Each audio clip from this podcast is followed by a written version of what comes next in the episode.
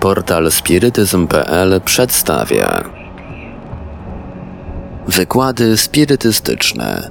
W Radiu Paranormalium prezentujemy zapis wykładu Konrada Jerzaka podczas sympozjum Tajemnice Świata, które odbyło się 21 listopada 2010 roku w Warszawie. Zapis dostępny jest do odsłuchania na portalach spirytyzm.pl oraz czasnowejery.pl. Witam Państwa, serdecznie. Gdy dostałem zaproszenie na to sympozjum, przyjąłem je, ale zaraz pojawiły się wątpliwości. Zacząłem się zastanawiać, czy jestem właściwą osobą, czy jestem odpowiednią osobą na tak wspaniałe wydarzenie. Gdybym miał wymieniać moje niedoskonałości, chyba byśmy musieli zorganizować sympozjum kilkudniowe. E, Nie jestem żadnym specjalistą od e, dziwnych zjawisk paranormalnych, także sam nie potrafię wirować stolikami w powietrzu. Ale przypomniałem sobie wówczas historię znanej e, mi bardzo dobrze spirytystki, która zawsze mnie bardzo inspiruje. Jest to, jest to bardzo sympatyczna pani, którą niestety spotkało bardzo przykre zdarzenie. Jakiś czas temu zupełnie niespodziewanie zmarł jej syn. Nie była wtedy spirytystką, nic nie wiedziała na ten temat. Więc jak możecie domyśleć, wpadła w, ca- w okropną depresję. Yy, zaczęła myśleć, że, że tak naprawdę życie straciło dla niej sens. Wiadomo, dziecko, które umiera tak naprawdę na jej ramionach, jest, jest to straszna, straszna tragedia. Ale przypadek sprawił, chociaż tak naprawdę przypadków chyba nie ma, przypadek sprawił, że w jej ręce trafiła spirytystyczna książka autorstwa Alana Kardeka. Przeczytała ją i tak naprawdę nie potrzebowała bezpośredniego kontaktu z tym synem, bo po przeczytaniu tej książki wszystko to, co tam znalazła, dało jej odpowiedzi na, na pytania, które są dla nas najważniejsze. Czy, czy, czy tak naprawdę czy śmierć jest dla nas końcem, czy, czy początkiem naszej drogi.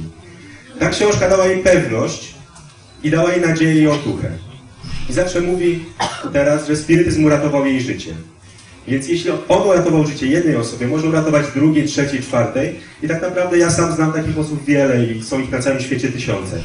Więc ten spirytyzm jest tak jak takie lekarstwo, które, które, które pomaga ludziom, które wyjaśnia im wiele, wiele problemów, wyjaśnia przyczyny cierpienia, wyjaśnia, co się będzie z nimi działo. Jeśli my mamy w domu lekarstwo i przychodzą do nas ludzie, którzy tego lekarstwa potrzebują, to naszym obowiązkiem jest je innym przekazywać. Dlatego też tutaj jestem i mam nadzieję opowiedzieć Państwu o tym, czym jest spirytyzm, czy on jest prawdą, czy jest fałszem, czy, czy, czy tak naprawdę co, co on dla nas wszystkich oznacza. Zaczniemy od małej podróży do, do dalekiego kraju, który jest, jest bardzo piękny, ale bardzo, bardzo dziwny czasami, do Indii. Jest pewna legenda, która mówi, że na samym początku wszyscy ludzie byli bogami. Przybywali razem z tymi największymi e, bogami, których w Indiach jest tyle, że, chyba nikt nie jest w stanie wymienić ich, e, ich imion. Jednak ci ludzie no, korzystali z tej swojej boskości nie tak, jak powinni. E, Byli e, nie- nie- niesubordynowani, popełniali wielkie głupstwa, straszne rzeczy. Więc Brahma, największy bóg Indii, powiedział, że tak nie może być dalej, musimy coś, musimy coś z tym zrobić. Zebrał wszystkich najważniejszych bogów i powiedział, musimy odebrać tym ludziom tą, tą cząstkę tej boskości. Zabierzmy ją i schowajmy gdzieś w takie miejsce, gdzie oni jej nie znajdą. Więc jeden z bogów zasugerował, to może umieśćmy ją na dnie oceanów. Ale pozostali powiedzieli, nie, nie, oni tam kiedyś dotrą i tą, tą cząstkę zdobędą. Więc drugi powiedział, to to gdzieś może zakopmy w ziemi. Nie no, oni też wykopią tą ziemię, wykopią, e, na pewno sobie z tym poradzą i też tą cząstkę e, boskości odnajdą. I wówczas Brahma wpadł na fantastyczny pomysł. Powiedział, schowajmy ją może wewnątrz nich samych. Oni nigdy w swoje wnętrze nie zajrzą i nigdy jej tam nie znajdą. I tak naprawdę jest to bardzo, bardzo ciekawa rzecz, bo gdy spojrzymy na dzisiejszą naukę, na dzisiejsze rzeczy, które, które, które ludzie byli w stanie odkryć, wysyłamy sondy kosmiczne, za pomocą teleskopów obserwujemy dalekie gwiazdy, głębi oceanów znamy jak własną kieszeń. Poznaliśmy malutkie e, pierwiastki, których nie, nie dostrzegamy oczami, ale tak naprawdę ludzie nie odpowiedzieli sobie nigdy na pytanie, kim jesteśmy, kim, kim tak naprawdę jesteśmy. Czy nauka nam na, to odpowiada? Mówi, że jesteśmy kłębkiem materii. Wydawało się, że DNA będzie takim kluczem do odgadnięcia. Natomiast zawiązano wiele, wiele projektów, między innymi projekt badania genomu ludzkiego. Natomiast dyrektor tego projektu na koniec powiedział, e, no szukaliśmy, szukaliśmy, ale, ale to nie tutaj jest, no nie, nie szukajcie tutaj, bo, bo w tym DNA nie znajdziecie tej odpowiedzi. Nie wiemy, kim jesteśmy, nie wiemy, co się stanie po śmierci, a przecież każdy z nas kiedyś ode- odejdzie z tego świata. Czy śmierć będzie dla nas końcem, czy też za nią coś się znajduje? Mamy kolejne pytanie, czy spotkamy jeszcze naszych bliskich, którzy odeszli z tego świata? Czy oni ciągle istnieją, czy, czy może po prostu pożegnaliśmy ich na zawsze? Kolejne pytanie, które nasuwa się, czy możemy się z tymi zmarłymi skontaktować już tutaj na Ziemi? Czy będąc tutaj możemy uzyskać pewność tego, że, że oni wciąż żyją i że mają się dobrze, bądź też niedobrze, ale, ale że cały czas są i że, że jest szansa na to, że ich ujrzymy? I na te wszystkie pytania tak naprawdę odpowiada spirytyzm. To w nim odnajdziemy logiczne i sensowne odpowiedzi na każde z tych pytań. Aby rozpocząć naszą podróż w, poszukiwaniu spirytyzmu, przenieśmy się do Francji tym razem. Byliśmy w Indiach, teraz e, taka podróż. E, przenieśmy się do Francji na cmentarz Père Lachaise, który znany jest e, wielu, wielu ludziom, gdyż tam pochowany został między, między innymi Fryderyk Chopin. Jest tam wiele innych znanych postaci, jak Jim Morrison, czy, czy chociażby Balzac, czy, czy inni sławni pisarze. Gdy wędrujemy sobie tymi alejkami i patrzymy na stare grobowce, które stan można, można zaobserwować na zdjęciu, są opuszczone, przerażają nas. Myślimy sobie właśnie o tej śmierci, która dla każdego z nas jest taką tajemnicą. Dla każdego z nas jest czymś bardzo ponurym i, i, i, ciemnym, bo tak naprawdę no, nie wiemy, co, co, co jest po drugiej stronie. Gdy wędrujemy sobie tymi alejkami, patrzymy na, na te mające czasami po kilkaset lat e, budowle, które opadają, któ- którymi nikt się nie zajmuje, myślimy właśnie, co będzie z nami. Ale gdy zaczynamy się wspinać e, po, pod górę, odnajdujemy piękne miejsce, malutki dolmen otoczony wieloma kwiatami. Jest to miejsce, które każdy, kto tam trafi, e, na pewno, na pewno znajdzie i na pewno go zadziwi. Kto tam jest pochowany? Myślimy sobie, może jakiś wielki prezydent, może ktoś, kto, kto dopiero co zmarł, prawda, i teraz rodzina przynosi mu kwiaty. Ale podchodzimy i patrzymy, że ta osoba, która, która tam jest upamiętniona, zmarła niemalże 200 lat temu.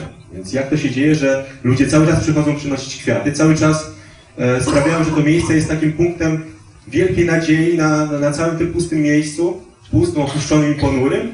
I tam jest takie, takie centrum e, radości i centrum, e, centrum koloru tak naprawdę, ponieważ tych kwiatów jest mnóstwo, ludzie cały czas tam e, kolejne przynoszą.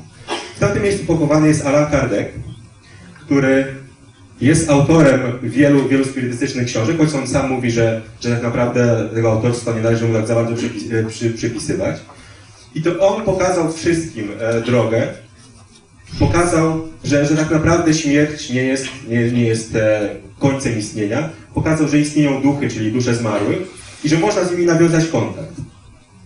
Kiedy zaczynał swoją pracę, był, e, był znanym, znanym pedagogiem francuskim i interesował się wieloma rzeczami. Wówczas nauczyciele nie, nie byli specjalistami od jednego przedmiotu, jego interesowało wszystko. Od e, nauk e, humanistycznych, między innymi tłumaczył książki po, po nauki ścisłe. Interesował się też e, zjawiskami magnetyzmu, które były wówczas popular, popularne. Jeden z jego znajomych magnetyzerów, pan Fortier, kiedyś powiedział mu, e, słuchaj, teraz e, widziałem jak stoliki wirują. On mówi, no to być może jest jakieś zjawisko zwykłe, zwykłe jakieś e, działanie, jakieś siły, która, która jest, jest nieznana, podobnie jak e, znany mu magnetyzm, czy, czy wówczas e, badania nad elektrycznością, które prowadzono, wiadomo, że to było połowa XIX wieku. Mówi, być może jest, co- jest coś w tym ciekawego, ale to, to po- poczekajmy, niech to zostanie zbadane. W ówczesnym czasie panowała nie- niemalże moda na, na te wirujące stoliki. W całym Paryżu, we wszystkich miastach, niemalże całej Europy, również w Polsce, ludzie spotykali się i tymi stolikami wirowali. E, wyglądało to w ten sposób, że po prostu siadali wokół nich, te stoliki zaczynały wirować, stukać i, i, wydawać różne dźwięki, zachowywać się nienaturalnie. Jednak następnym razem, kiedy Kardec spotkał owego Fortiera, e, ten powiedział mu, ale słuchaj, te stoliki nie tylko wirują, ale także mówią. No i wówczas Kardec spojrzał, no to jest ciekawsze, bo jak tylko wirują, no to może ktoś tam wprawia w ruch za pomocą elektryczności czegoś, ale jak mówią, no to już jest e, coś ciekawszego, bo to jest jakiś efekt bardziej inteligentny, więc, więc coś za tym musi stać. Kiedy pierwszy raz wybrał się na takie spotkanie mediumiczne, na którym miał zobaczyć te, te mówiące i wirujące stoliki, miał w głowie taką, taką myśl. Przede wszystkim nie będę tworzył jakichś teorii, zanim wszystkiego nie zbadam. Czyli skupię się przede wszystkim na obserwacji. Jednakże jeśli widzę, że jest jakaś inteligencja, która zaczyna działać, to musi za nią stać jakaś przyczyna inteligentna. To nie może być działanie jakiegoś ślepego prawa czy ślepej, ślepej siły, która, która e, w przypadkowy sposób e, działa.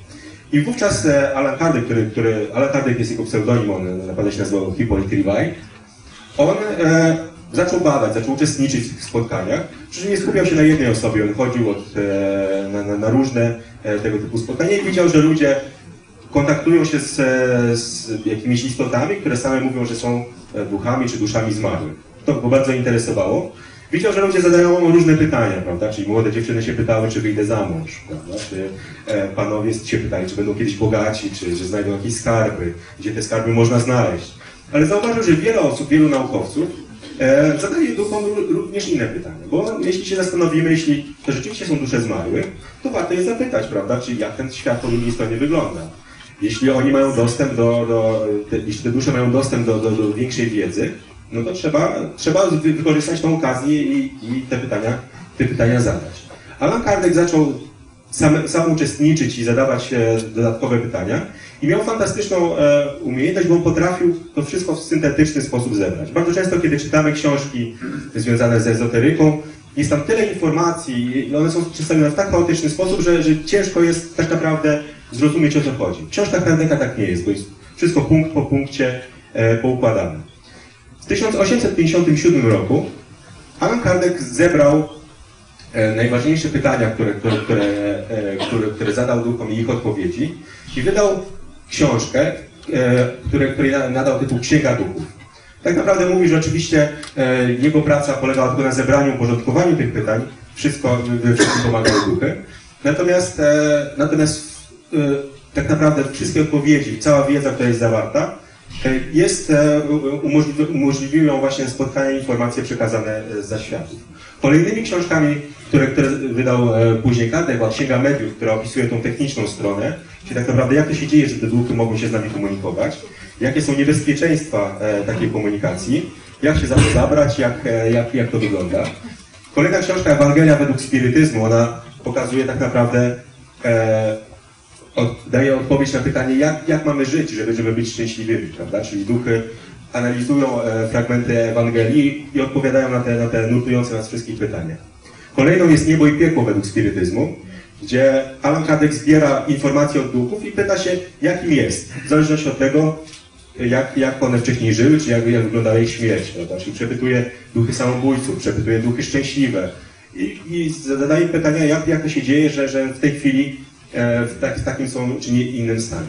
Kolejną książką jest Geneza, e, która, która opisuje, w jaki sposób powstała Ziemia, opisuje e, teorię ewolucji między innymi, co bardzo ciekawe, książki Kardeka powstały przed Darwinem, więc ja czasem się zastanawiam, czy przypadkiem Darwin jak nie, nie, nie jechał, e, nie płynął e, prawda, swoim statkiem Beagle, czy, czy książek Kardeka nie zabrał ze sobą. E, kolejne książki, e, kolejna książka Czym jest spirytyzm, która w krótkich e, pytaniach odpowiada na wszystkie, wszystkie tak naprawdę wątpliwości, które osoby, które pierwszy raz ze spirytyzmem się stykają, e, zadają. I wydawał także przegląd spirytystyczny, czyli miesięcznik, w którym zbierał listy z, z innych, e, e, od innych osób zainteresowanych spirytyzmem, które prowadziły na, w całej Europie czy na świecie badania. Między innymi jest tam sporo e, z Polski, czy ludzie przysyłali, przysyłali swoje listy, dopytywali się, tłumaczyli także, także jego książki. Gdy Alan Kardec wydał tą pierwszą e, Księgę Duchów, od razu spotkał się z wieloma zarzutami. Po pierwsze, e, ludzie, którzy, którzy no, byli niechętni spirytyzmowi, zaczęli, zaczęli e, czasami się z niego drwić, mówić, że, że to, co on robi, to w ogóle nie jest naukowe. Więc pojawił się przede wszystkim sprzeciw nauki. Kolejna grupa osób podejrzewała, że tak naprawdę no to te duchu, tych duchów nie ma, te stoliki wirujące i mówiące to jest jedno wielkie oszustwo, że to ludzie e, pojawiają się i wprowadzają nas w błąd. Kolejni, no już byli troszeczkę inaczej, mówili, że tak naprawdę no one wirują, ale tak naprawdę to nam się tylko wydaje, bo to jest tylko halucynacja.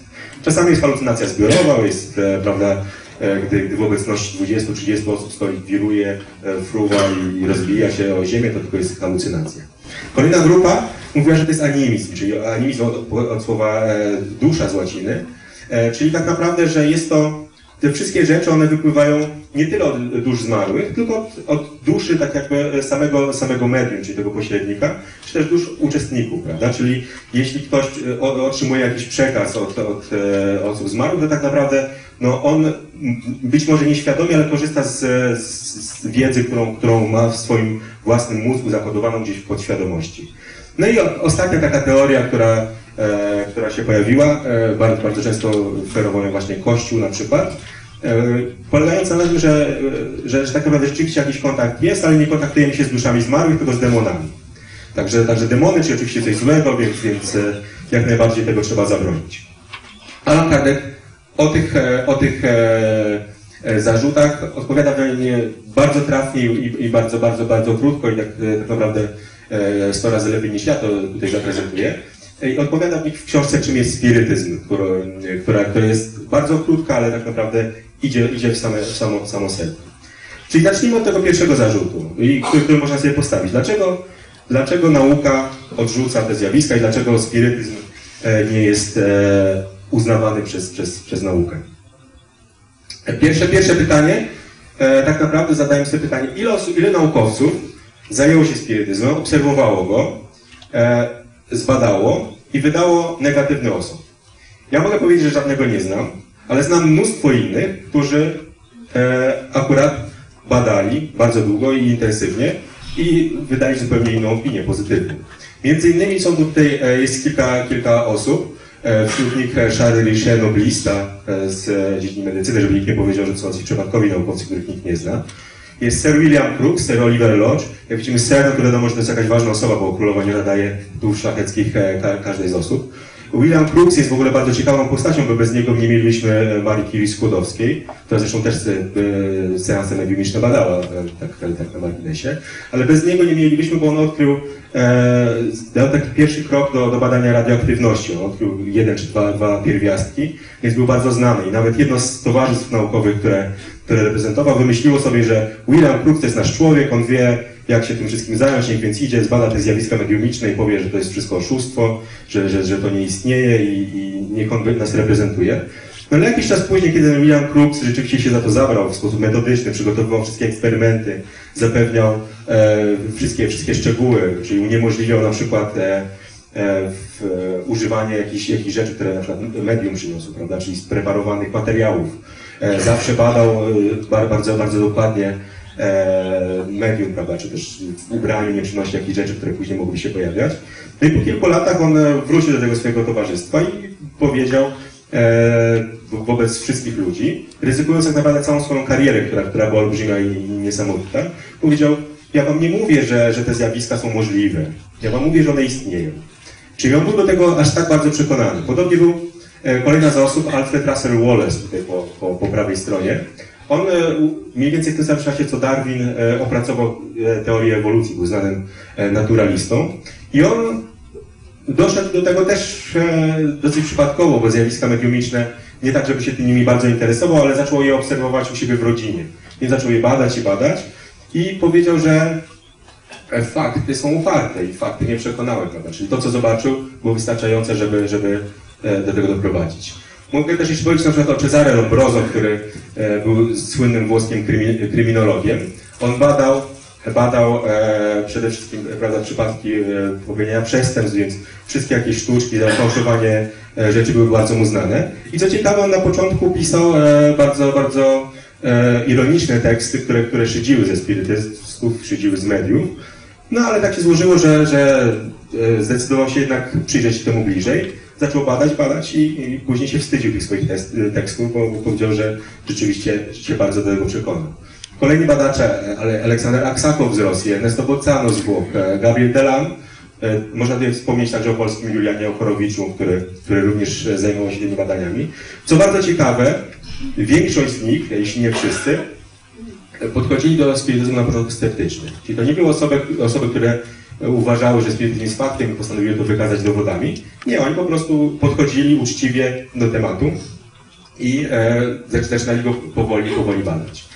Dlaczego jednak nauka się temu sprzeciwia? Ponieważ zakłada podstawowy błąd. Naukowcom wydaje się, że wszystko jest materią, więc wszystko jest jak najbardziej powtarzalny, prawda? Czyli jeśli ja zrzucam długopis e, na ziemię, to on zawsze spadnie, więc oni sobie zrobią milion testów, spadnie, no aha, czyli jest jakieś prawo, które działa. Natomiast z duchami to, to tak nie jest. Dlaczego? Dlatego, że one są tak naprawdę duszami takimi jak my, czyli, czyli mają wolną wolę i, i decydują o samym sobie. Więc jeśli ja bym na przykład chciał udowodnić, że, że ktoś z Państwa tutaj na sali istnieje i taki naukowiec mi poprosił, no to dobrze, w takim razie proszę się milion razy z nim e, skontaktować i musi być milion e, udanych prób, prawda? Czyli między innymi pan Randy, który jest e, słynny, ma milion dolarów zaoferować, ale stawia takie warunki, że na milion prób można tam jedną mieć nieudaną, prawda? Czyli, czyli dosyć, dosyć trudno. No, natomiast no, w ten sposób ja nie udowodnię istnienia żadnego z Państwa, no bo jakbym zadzwonił, prawda, pod E, pod czyjś numer, no to na milion prób, no to połowę pewnie ktoś nie zdąży odebrać, innym razem ma telefon wyłączony, więc, więc e, zgodnie z nauką tak naprawdę większość z nas nie istnieje, prawda? Czyli e, jesteśmy, jesteśmy w stanie udowodnić naszego istnienia. W przypadku jednak e, spirytyzmu, kiedy mamy do czynienia z żywymi istotami tak naprawdę, które jedynie no, że są niewidzialne, należy do nich podejść bardziej jak e, w naukach biologicznych, prawda? Czyli usiąść i obserwować, prawda? Czy na przykład gdyby naukowiec chciał udowodnić, że żaba potrafi skakać, no to jak to może zrobić? No nie może zrobić milion prób, posadzić żabę sprawdzić, czy, czy podskoczy, no bo ona nie podskoczy, no bo ma, prawda, e, swoje bicie misie i jak będzie chciała, to sobie będzie skakać, jak nie, no to nie. Natomiast to, co może zrobić, może usiąść i patrzeć i obserwować. Kiedy zobaczy, że raz żaba skoczy, drugi, raz trzeci, jeśli obserwuje inne żaby, czy one też potrafią skakać, no to może wydać osąd, prawda? Tak jest, żaby potrafią skakać. I podobnie jest ze spirytyzmem. Jeśli usiądziemy i zaczniemy obserwować te badania, E, czy spotkania mediumiczne, zaczniemy obserwować, jak e, komunikują się duchy, to wtedy z czasem, czasami to może być miesiąc, czasami może być 10 lat, dojdziemy do tego samego wniosku. Bardzo często ci badacze na pierwsze efekty musieli bardzo długo czekać. To nie jest tak, że sobie siadamy i, i nagle duchy się pojawiają, no bo one e, bardzo często chcą sprawdzić, czy jesteśmy cierpliwi wystarczająco, więc, więc trzymają nas w niepewności, ale później, później tych faktów jest, jest mnóstwo i tak jak ten Alfred Russell Wallace one są uparte, więc więc zobaczymy ich, ich bardzo dużo. Także, także tych podstawowych rzeczy dotyczących badań naukowych, czyli powinniśmy do tego inaczej podchodzić, czyli to nie będzie się powtarzało nieskończoność, ale powinniśmy obserwować. Jeśli dane zjawisko będzie zachodzić wiele razy, to e, powinniśmy, powinniśmy wyciągać z tego wnioski. I kolejna rzecz, e, o której wspomniałem, jeśli ktoś mówi, że nauka się sprzeciwia, no to nie poda nazwiska naukowców, którzy zbadali wystarczająco długo ten temat i doszli do takiego wniosku, że to chodzi o coś innego niż o E, manifestowanie się dusz zmarłych. Kolejny zarzut, który dotyczy oszustwa, prawda? Czyli większość ludzi mówi, a to nie żadne duchy, tylko po prostu ktoś nas oszukuje i, i to, e, prawda, czyli, czyli specjalnie to robi często, często żeby, żeby sobie na nas e, zarobić. Więc pierwszy pierwsza taka odpowiedź jest taka, że jeśli ktoś oszukuje, to nie znaczy, że jakieś zjawisko nie istnieje, prawda? Czyli e, jeśli ja oszukam Państwa, że na przykład rzucę długopis i on spadnie, Y, i, jakieś, jakąś sztuczkę wywołano, inaczej, że, że tak naprawdę nie jest, prawda? Czyli rzeczywiście istnieją przypadki oszustwa i mogę powiedzieć, że jest ich bardzo dużo. E, natomiast e, my spirytyści nie wierzymy, w, w, że duchy są tak naprawdę za każdym z tych zjawisk i staramy się badać i, i patrzeć, czy rzeczywiście szukać tych śladów, e, które, które by potwierdzały, że, że to oszustwa nie istnieją. I teraz jest kilka takich rzeczy, które, które bardzo, bardzo, bardzo są ciekawe. Czyli pierwsza z nich to jest to, że takie sztuczki e, czy powiedzmy, nie wiem, kto, ktoś, e, kto z nas tak naprawdę byłby w stanie zawirować stołem tak, żeby on powpłynął pod sufit. No być może jedna osoba tam podniesie rękę, prawda, bo tam przez kilka miesięcy wcześniej przygotowywała taką sztuczkę. Na pewno David Copperfield e, to nawet pokazał kiedyś e, na, na scenie. Natomiast e, jak to się dzieje, że te nagle te stoły wirują wszędzie, prawda? Czyli ktoś mógł powiedzieć, a to takie specjalnie spreparowane stoły. No Ala Kardek zawsze, e, chociażby w tej książce Czym jest spirytyzm odpowiadał, no tak, ale dlaczego jeszcze nie znamy tego producenta tych stołów, skoro one już w starożytnym Rzymie były, bo w starożytnym Rzymie były opisywane wirujące stoły, prawda, i mówiące. Dlaczego, dlaczego nikt e, do tej pory no, nie powiedział, kto jest tym producentem tych wspaniałych stołów, że w każdym mieszkaniu w ówczesnej Francji takie stoły można było znaleźć, prawda? Także, także to jest coś, co jest bardzo ważne, że te zjawiska każdy z nas jest w stanie wywołać. E, e, czyli, czyli, nie jest to coś, co, co, co jest jakąś sztuczką, która jest specjalnie preparowana. Oczywiście bardzo często e, media do takich sztuczek się uciekają. Dlaczego? Dlatego, że e, pobierają za to opłaty, prawda, więc e, chcą, chcą e, zadowolić swoich klientów, więc, więc jest, jest to coś bardzo ważnego. Natomiast my z klientyści podchodzimy do tego inaczej, bo, bo uważamy, że, że za pomaganie ludziom i umożliwianie jakichś kontaktów, czy, czy jeśli nie pociekmy pieniędzy nie chcemy pobierać, więc cała nasza działalność jest absolutnie bezinteresowna i już od czasów Kardeka tak było, więc, więc on mówi, co są za oszuści, jak nawet żadnych efektów nie, nie mają, prawda? Nie dość, że się męczą, e, no to, no to tak naprawdę przecież nic na tym nie zarabiają, więc, więc po co mieliby oszukiwać? Też oszukiwać samego siebie, jeśli to latami ciągną, prawda, i czasami ryzykują e, swojej kariery. E, Kolejna bardzo, bardzo ciekawa rzecz jest, e, dotyczy odlewów gipsowych, które były kiedyś e, e, na, na spotkaniach, w których między innymi w Polsce o, otrzymywane. Wyglądało to w ten sposób, że e, brano gips i, i, i był ma- mały otwór i w środku tego gipsu formowała się e, dłoń. Czyli tak jakby taki ślad dłoni, że, e, że, że, że później e, odlew powstał gipsowy e, dokładny dłoni. E, Japończycy powiedzieli, a my znaleźliśmy sposób, bo tak można zrobić, trzeba jakąś rękawiczkę tam e, do tej formy włożyć, później wlać tam gips i taka dłoń się pojawi. Natomiast to nie wyjaśniają kilku rzeczy. Po pierwsze, e, jak sprawić, żeby się odciski palców pojawiały, które na tych oryginalnych odlewach gipsowych. No oni nie zauważyli tego szczegółu, ale już od razu zdecydowali. No i kolejna rzecz, w jaki sposób to zrobić w kontrolowanych warunkach, bo ci naukowcy, którzy do tego się zabierali, eliminowali wszystkie, wszystkie, e, wszystkie utrudnienia, czy wszystkie takie rzeczy, które mogłyby e, sprawić, że rzeczywiście coś nie, nie pójdzie e, tak po, po ich myśli, czy tak naprawdę, że, że gdzieś tam oszustwo może się pojawić.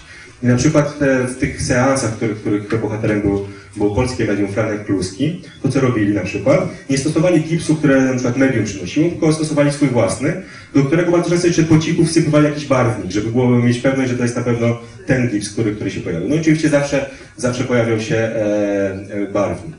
Kolejne rzeczy były czasami jakieś, e, bardzo, bardzo jest taka e, zabawna historia, e, kiedy, kiedy Charles Vichet, ten, noblista słynny i jeden z takich ważniejszych naukowców okresu międzywojennego, powiedział, no tak, no te duchy cały czas te dłonie nam pokazują, coś innego by mogły zrobić. I nagle usłyszeli takie chlupnięcie e, w, w gipsie i okazało się, że są tam pośladki, e, no, które, które się pojawiły.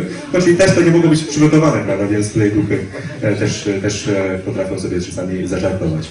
Natomiast to, co jest ważne z tymi odlewami, że wszystko, wszystko było e, przygotowane e, dokładnie, czyli to nie było jakieś przypadkowe, że nie odbywało się w domu medium, tylko zawsze w kontrolowanych warunkach i zawsze e, udało się uzyskiwać e, tego, tego typu rzeczy. Czyli oszustwo tutaj jest wyeliminowane właśnie tym, czyli tym, że, że do- dochodziło do tych zjawisk w kontrolowanych warunkach, czyli naukowcy, którzy odkrywali pierwiastki i, i prowadzili e, bardzo, bardzo e, długo badania naukowe, oni mieli ten swój warsztat do- doskonale przygotowany, więc unikali tego typu, tego typu rzeczy. E, No i o, oczywiście, oczywiście to też jest ta bezinteresowność, czyli, prawda, czyli jest mnóstwo osób, o, o których jeszcze opowiem, między innymi o, o Chiku Xavierze z Brazylii, które są, a, a, działają absolutnie bezinteresownie, więc takie oszukiwanie to było oszukiwanie samego siebie, prawda, czyli po co miałby, miałby to robić, jeśli e, żadnego zysku z tego e, nie czerpie. Kolejna teoria dotyczy halucynacji, prawda? Czyli pytanie, no tak, no może tym naukowcom to się wszystko zdawało i, że to jest e, jakaś iluzja jedynie, czyli coś tam się niby pojawia, ale tak naprawdę pojawia się tylko w naszej głowie. No więc jest kilka odpowiedzi, które tutaj można przedstawić. Po pierwsze, e, no już nie za czasów Kardeka, ale dużo później, e, pojawiły się badania rejestrowania głosów na taśmie, które można, badania, które, które doskonale opisuje ksiądz katolicki, ciekawy François Brun. E, głosy e, duchów, które, które podają bardzo często e, ró- różne rzeczy. Czyli jest to taki ślad, no bo ta taśma istnieje, można ją odsłuchiwać cały czas. Bardzo ciekawe badania opisuje też dr Paul Gibier w swojej książce Spirytyzm. Są to badania nad, nad pismem bezpośrednim. Na czym to polega? Polega na tym, że samo się pisze, tak krótko mówiąc. Czyli zostawiamy kartkę papieru i na tej kartce papieru pojawia się napis. No ktoś powie, a tak ktoś tam siedzi i pisze. No więc Paul Gibier oczywiście był sprytniejszy, więc zamykał zawsze tą kartkę w, e, między dwoma deszczułkami, e, które uniemożliwiało e, dotarcie jakiejkolwiek dłoni czy, czy czemukolwiek. I jeszcze pieczętowo, prawda, żeby nie było wątpliwości, że ktoś nie, nie zerwał na przykład pieczęci. No i dzięki temu e, otrzymywał przekazy. One opisane są w tej książce. Są przekazy też w różnych językach, więc też jest bardzo, bardzo ciekawe, że nie dość takiego oszusta jeszcze musiał znać, znać języki. Więc, e, e, więc tutaj mamy, mamy, mamy tą sytuację, czyli dwie zamknięte de, deseczki czy, czy, czy deszczułki, między nimi kartka papieru, na tej kartce pojawia się pismo. Jeśli to była halucynacja, no to to pismo by zniknęło tam po, po godzinie dwóch, ale e, można, można zauważyć e, e, także, tak, także w tej książce są nawet e, zdjęcia e, tych, e, tych kart e, zapisanych. No i kolejna równie fascynująca rzecz to są malarze mediumiczne. Jest jeden Brazylijczyk, e, który się nazywa Luis Gasparetto, jego e, fragmenty jego, jego, jego działania można zobaczyć między innymi w internecie. Polega to na tym, że on bierze pędzel w jedną rękę, bierze pędzel w drugą rękę zaczyna malować dwa obrazy, które są niemalże ide, idealnymi kopiami e, e, obrazów słynnych, słynnych malarzy z przeszłości, prawda? czyli Picassa, Degas i innych. E, jeśli ktoś chce powiedzieć, a to on się nauczył, no to niech spróbuje napisać chociażby swoje imię i nazwisko lewą ręką i prawą ręką, e, albo namalować obraz w ciągu jednej minuty, a już najlepiej dwa obrazy, prawda, oburącz. On tłumaczy po prostu, że to duchy malują, prawda? Czyli, czyli e, one kontrolują, jeden duch kontroluje jedną rękę, drugi drugą i on jest w stanie w ciągu, w ciągu kilku chwil e, namalować naprawdę, naprawdę niesamowite dzieła. E, oczywiście jak się ogląda ten film, to się wydaje wszystko, że jest e, w przy, przy, przyspieszonym tempie, ale to jest tylko, tylko złudzenie. Tak naprawdę rzeczywiście bardzo szybko maluje. No i jaka to jest iluzja, jak te obrazy możemy obejrzeć, możemy obejrzeć nagrania e, z tego, no więc coś, coś e, za tym musi stać. Kolejna rzecz jest to animizm, czyli tak naprawdę, czy to nie jest tak, że e, możemy powiedzieć właśnie on te maluje, ale tak naprawdę to on sam jakieś ma zdolności, czy jakaś dusza jego prawda, potrafi się rozwoić, czy, czy, czy, czy inaczej te obrazy namalować. Ale tutaj ja, ja, ja podaję zawsze przykład e, tego, tego jednego z najbardziej znanych mediów w XX wieku, Chico Xaviera. Był to człowiek bardzo, bardzo prosty. Urodził się w Brazylii, w małej miejscowości, w której e, tak naprawdę były tylko zakurzone ulice, kilka, kilka domów e, i, i e, wykształcenie, które zdobył, no to było, było tylko kilka klas szkoły podstawowej, już od dziecka musiał, musiał chodzić do pracy. No i co on zrobił? Jak się zawsze pytam, e, czy ktoś z Państwa to próbował napisać książkę? No najczęściej każdy tam próbował w życiu jakąś jedną napisać, ale tam po pierwszych dwóch zdaniach zrezygnował. No Szczyko napisał ponad 400 książek. No, oficjalnie nam się podaje 412, ale udało się jeszcze zebrać kolejne, ile z tej chwili to jest tylko około 450. No jeśli ktoś napisze 450 książek w ciągu całego swojego życia, no to, to tutaj jest duża, duża odpowiedź. Ale co ciekawe, te książki nie są takie zwykłe, prawda? To nie jest książka jednej osoby, która o pisze. W każdej tej książce e, podpisuje się nią jakiś duch, który opisuje swoim własnym językiem różne rzeczy. Więc jest jeden duch, który, na przykład duch lekarza, który, który podpisuje się imieniem André Louis, który opisuje swoją, swoją, swoją historię zaświata od momentu śmierci, jak, jak dalej jego życie tam się toczyło. I on pisze takim bardzo lekarskim językiem, on e, opisał też e, na przykład mechanizmy bycia medium, gdzie, gdzie opisuje różne części ciała i, i tak dalej, czyli e, bardzo, bardzo ciekawe jest to, że, że niektóre informacje, które podaje, wyprzedzają wiedzę medyczną i, i są później, później potwierdzane. Jest inny duch, który, który jest takim duchowym przewodnikiem Shiko, który ma na imię Emanuel, który jest znowuż bardzo, bardzo, bardzo wielkim erudytą, więc ka każda książka jest pisana innym stylem. Ale w ogóle pierwsza książka była najbardziej fascynująca, bo była książka Parnas Zagrobowy. To był taki tomik wierszy. W nim było 259 wierszy, których autorami było 56 poetów. I teraz każdy z tych wierszy był pisany stylem danego poety. I to byli najwięksi poeci języka portugalskiego, który mówi się w Brazylii, czyli albo Portugalczycy, albo Brazylijczycy. No więc pierwsze podejrzenie, czy to Chico nie był taki zdolny, że pisał stylem tych poetów, na co on odpowiadał, no ja, ja tutaj jestem jednym takim pracownikiem, który w ogródku pracuje, tam podlewam sobie e, czosnek, więc jak ja mogłem te wszystkie książki przeczytać? No i rzeczywiście wiele osób myślało, że on ma jakieś tam wielkie biblioteki w domu i tam sobie tych wierszy, wierszy kopiuje. Więc jeden z badaczy e, dostał się do jego domu i mówił, że widziałem tą wielką bibliotekę, którą ma. E, to e, wygląda w ten sposób, że to jest taka mała półeczka, na której są chyba ze trzy książki i kilka, kilka czasopism, prawda? Czyli jeśli ktoś był no to też będzie wiedział, że, że generalnie książki są bardzo drogie i bibliotek jest bardzo niewiele, więc nie jest też tak, że on mógł sobie chodzić do mie miejscowej biblioteki, prawdopodobnie nawet u niego w mieście takiej nie było. Więc jest tych 56 poetów, którzy piszą różne wiersze, każdy w swoim stylu. No więc to wywołało duże zdziwienie, więc badacze e, literatury zaczęli analizować. No i co, no rzeczywiście, to są te wiersze tak naprawdę tych poetów, jak to się stało. Jeden z e, takich znanych pisarzy brazylijskich powiedział, że nie wiem, kto to napisał, ale ktokolwiek to napisał, no to może zająć tyle miejsc, ile mu się podoba w Akademii Literatury. Także, także było to naprawdę rzecz fascynująca. Ale oprócz tego, oprócz książek e, wierszy, pisał na przykład powieści historyczne. Jedna z nich e, dotycząca czasu starożytnego Rzymu i Palestyny, czyli czasów życia Chrystusa, zawiera tyle słów e, związanych z tamtym okresem, że powstał nawet słowniczek na kilkadziesiąt stron, który podaje definicję każdego z tych słów. Więc jakby ktoś chciał taką książkę napisać, to też by musiał chyba siedzieć ze, ze słownikiem, czy z czymkolwiek i weryfikować i, i to, było, to było bardzo, bardzo ciekawe. No ale z drugiej strony możemy pomyśleć zawsze, no, że to jest coś, co e, co wypływa z samego Shiko, że może taki zdolny był i, i to wszystko potrafił zrobić. Ale w drugiej połowie życia zaczął otrzymywać bardzo ciekawe przekazy od, od bliskich e, ludzi, którzy do niego przychodzili. Czyli zawsze on, on przyjmował wszystkich, e, kogo się tylko dało. Oni przychodzili do niego na spotkania i bardzo często otrzymywali listy od, od swoich bliskich, którzy zmarli. Prawda? Czyli e, matki otrzymywały listy od dzieci, czasami żony od, od zmarłych mężów. E, to było tak niesamowite, że tych ludzi przychodziły tam tysiące i setki. Setki tysięcy. E, czasami się mówi, no tak, a takie listy to są takie ogólniki, prawda, typu kochana mamo, kocham cię bardzo i tęsknię, były między nami jakieś problemy. No ale tak naprawdę no, to każdy, jak sobie spojrzy prawda, na relacje z rodzicami, no to będzie to samo. Ale w tych e, listach było zupełnie co innego. E, Badacze brazylijscy pod- postanowili wziąć e, grupę tych listów i przeanalizować e, z osobami, które je otrzymały, jak bardzo są e, zgodne z prawdą, jak wiele tych rzeczy się pojawia.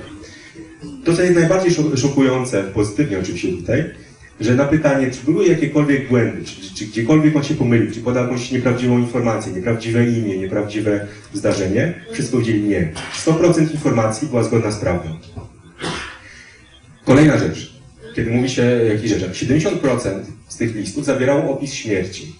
Czyli Chico tak naprawdę musiałby mieć, nie wiem, jakiś rejestr wszystkich zgonów w Brazylii, bo ludzie z całej Brazylii przyjeżdżali do niego. Tam jest 200 milionów ludzi, więc no to duży musiał być ten rejestr.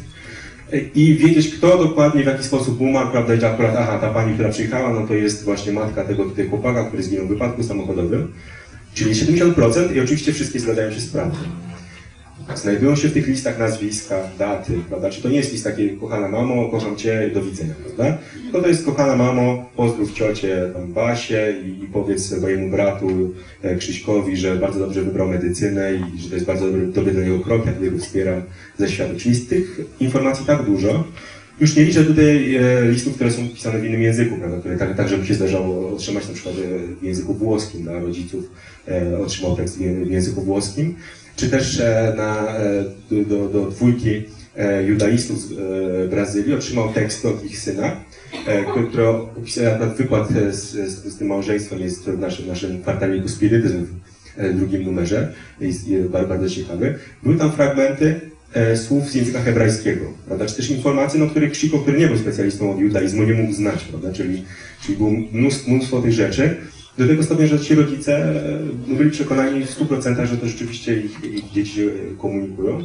I to dało im nadzieję i otuchę, prawda? Czyli, czyli wiedzieli, że, że tak naprawdę no, ta śmierć jest tylko taką rozłąką na jakiś czas, że to nie jest e, e, rozłąka na zawsze.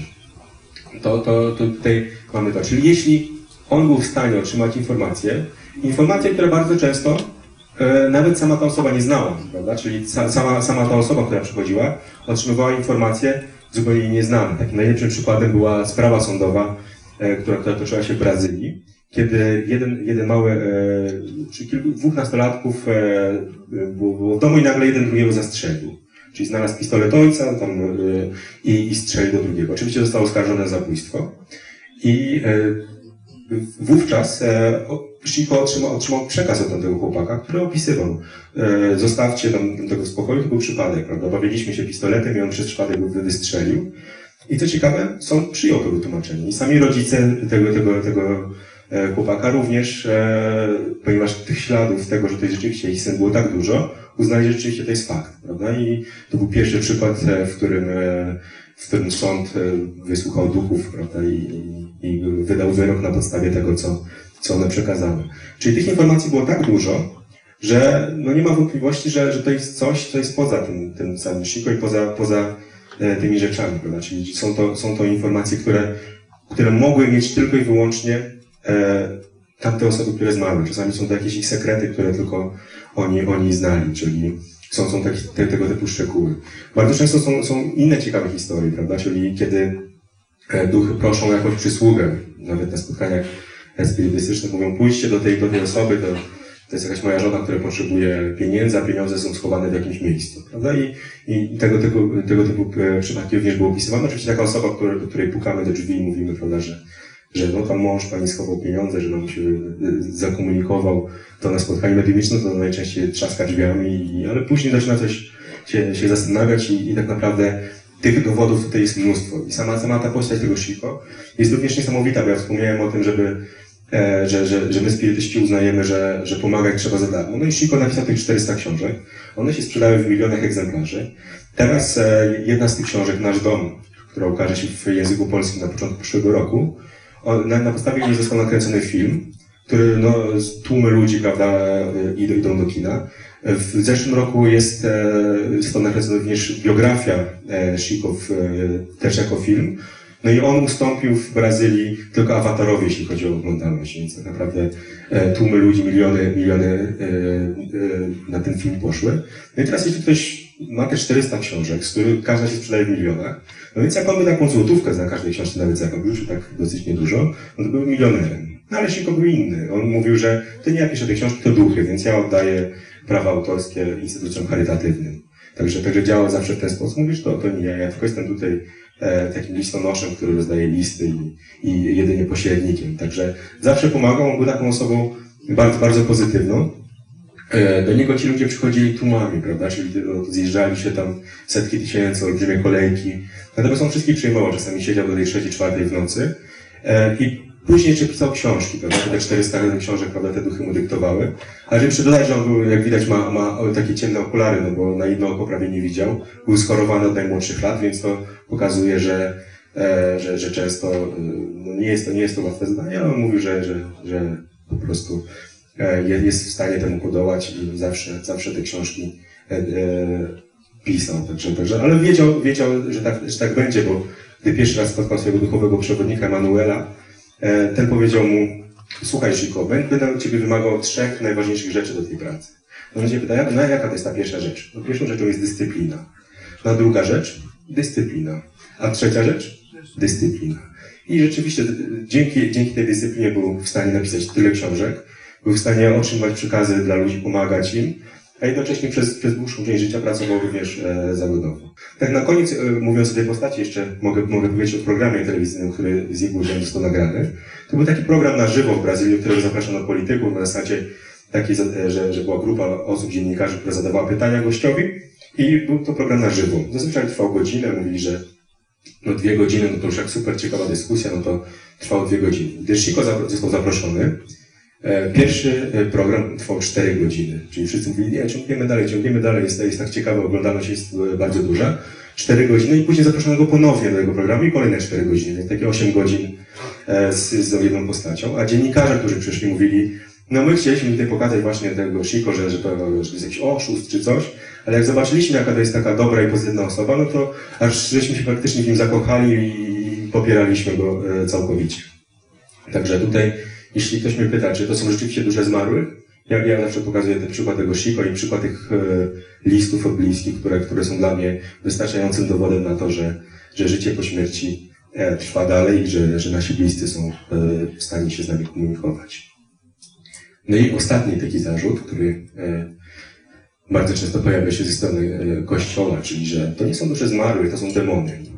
No więc e, czy też mówi, nie wolno wywoływać duchów, e, to jest, jest mnóstwo, mnóstwo informacji na ten temat. Natomiast ja się zawsze pytam, prawda, czy pierwsze pytanie, czym są tak naprawdę demony? No to takie są złe byty, tak? Znaczy, no ale tak, no, ale czy one są zawsze złe, czy mają być zawsze złe?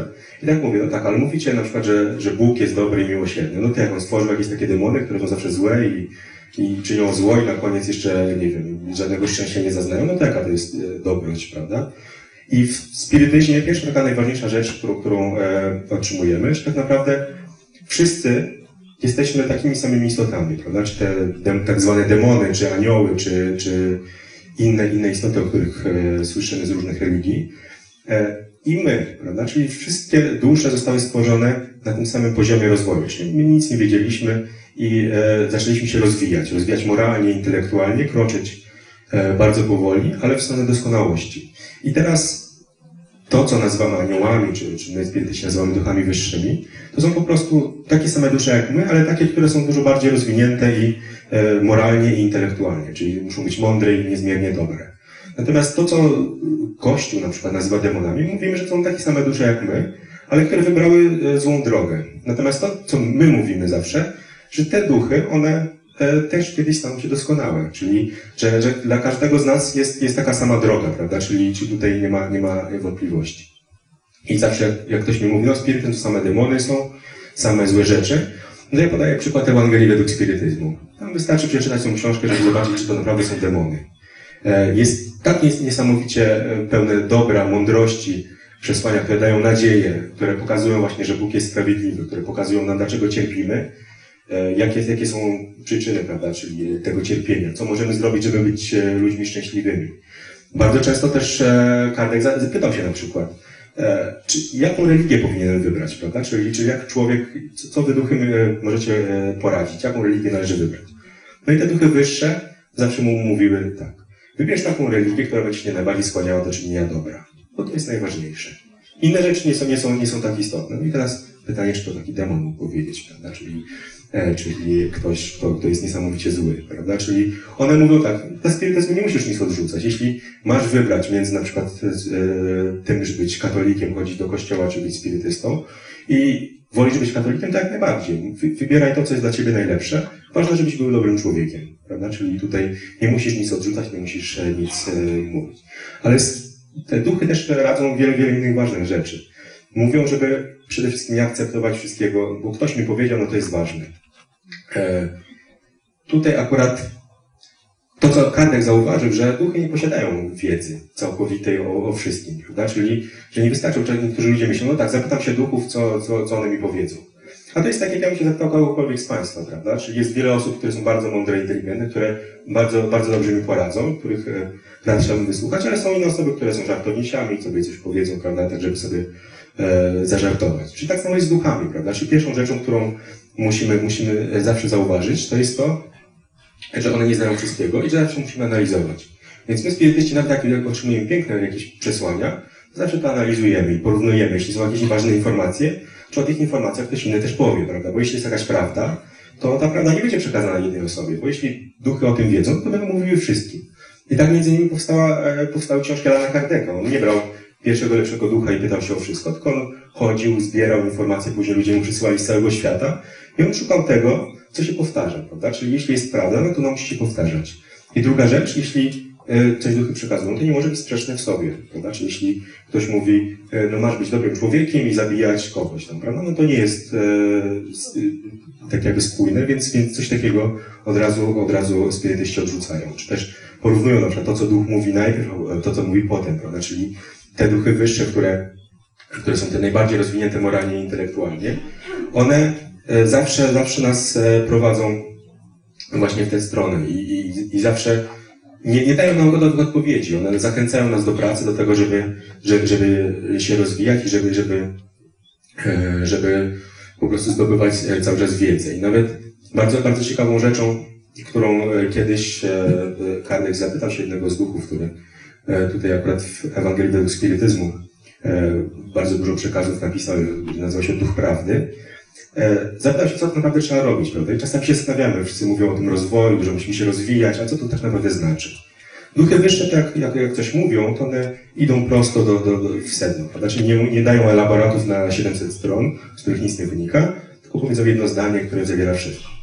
I ten duch prawdy powiedział, czy tak naprawdę to, co powinniśmy robić, żeby, żeby się rozwijać.